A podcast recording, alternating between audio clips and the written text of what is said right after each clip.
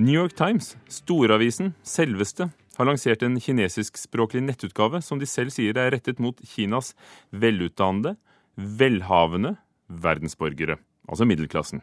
Nettavisen tar eh, sikte på å publisere 30 artikler om dagen, noen skrevet spesielt uh, uh, av en egen redaksjon, og andre oversatt fra den amerikanske utgaven. Sosialantropolog, Kina-kjenner og seniorrådgiver ved um, Det Norske Veritas, Henning Christoffersen. Hvem kommer til å lese artiklene, tror du? Jeg tror at de kan bli lest av målgruppen som de ønsker seg, de, de nyrike kineserne. Eh, middelklassen. Men jeg tror jo at de er, aller mest ønsker seg øvre del av middelklassen. For det har jo eh, et kommersielt perspektiv her også i å dra til Kina. Det dreier seg jo ikke bare om eh, journalistikk, men det er begge deler det kommersielle måtte være inntektene de kan få fra det? Ja, det er, det er, klart at det å få inntekter fra den øvre middelklassen i Kina, annonseinntekter som avisen er ute etter, det er ikke ubetydelig. Eh, så det er én del av det. Eh, den andre delen er selvfølgelig at skal du være en, eh, en global spiller i dag, om det er media eller andre ting, så kan du ikke overse de 300-400 millionene med middelklasse i, i verken Kina eller India. Så det er jo rett og slett også en posisjonering for å, for å, for å være nærmere det som skjer i Kina, men selvfølgelig også for å være med på uh, å påvirke det som skjer i, i Kina.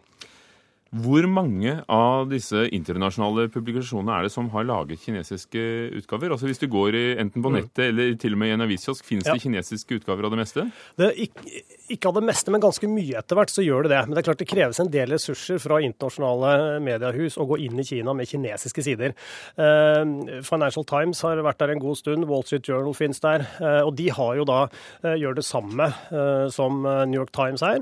Dvs. Si at de etablerer seg ikke som et mediehus i Kina Kina og registrere seg i Kina, eh, slik som Google eh, gjorde. Men de, de har eh, frilansere i Kina som jobber for dem, og så har de oversatte artikler fra avisen deres hjemme. For New York Times kommer jo også til å la datamaskinen, serveren, stå utenfor riktig, Kina. Riktig.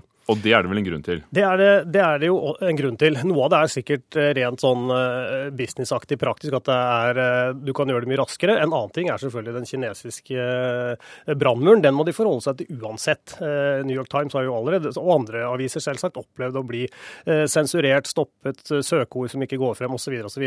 Men ved å ikke etablere seg i Kina, så hopper de jo bukk over å måtte forholde seg til en kinesisk forretningslisens. Og det er jo en helt annen kompleksitet i forhold til å da skrive under på, gå god for, og det å følge myndighetenes retningslinjer for hvordan man driver avis i Kina. Så den hopper de over. Så det de må forholde seg til, det er det mer den kall det den daglige sensuren som, som disse avisene er forholdsvis vant til når det gjelder å skrive om Kina. Men New York Times er vel ikke egentlig vant til det. Og hvordan tror du de vil, bli, vil de bli rammet?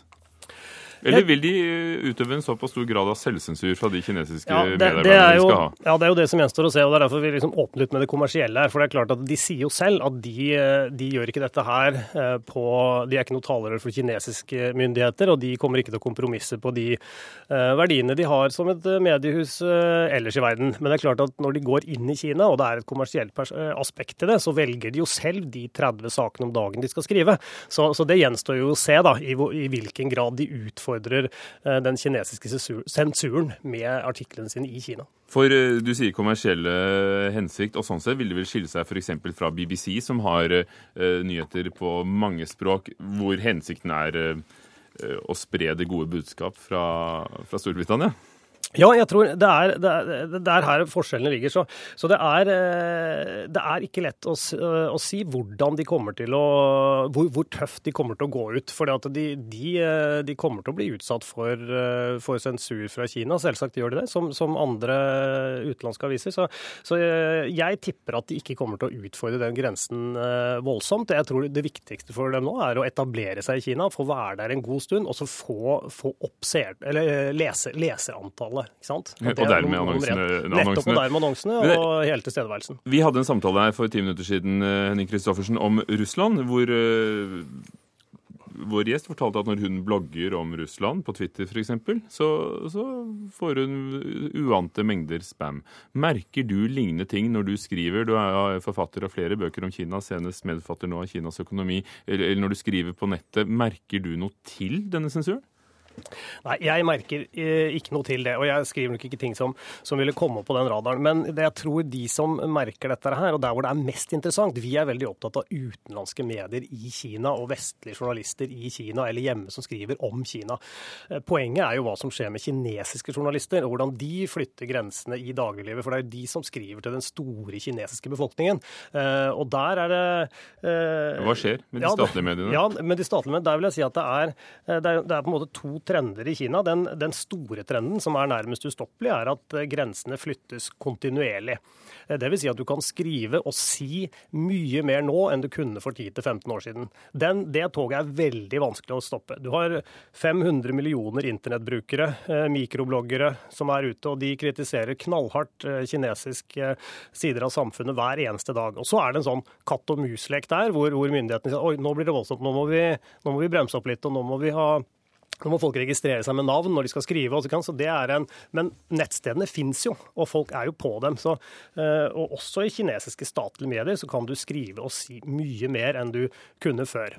Men uh, likevel så er det, når det er store ting på gang i Kina, så uh, får du tilbakeslag. Som f.eks. når de skal skifte ledere nå til høsten. Da er det ikke rette tidspunktet å tøye grensene. Så har man uh, balansere hele tiden. Og den som da kan lese kinesisk, kan jo se i hvilken grad New York Times vil tøye dem i sin Nettopp. kinesiske utgave. Henning Christoffersen, Kina-ekspert ved Det Norske Veritas, takk for at du kom til Kulturnytt. Takk skal du ha.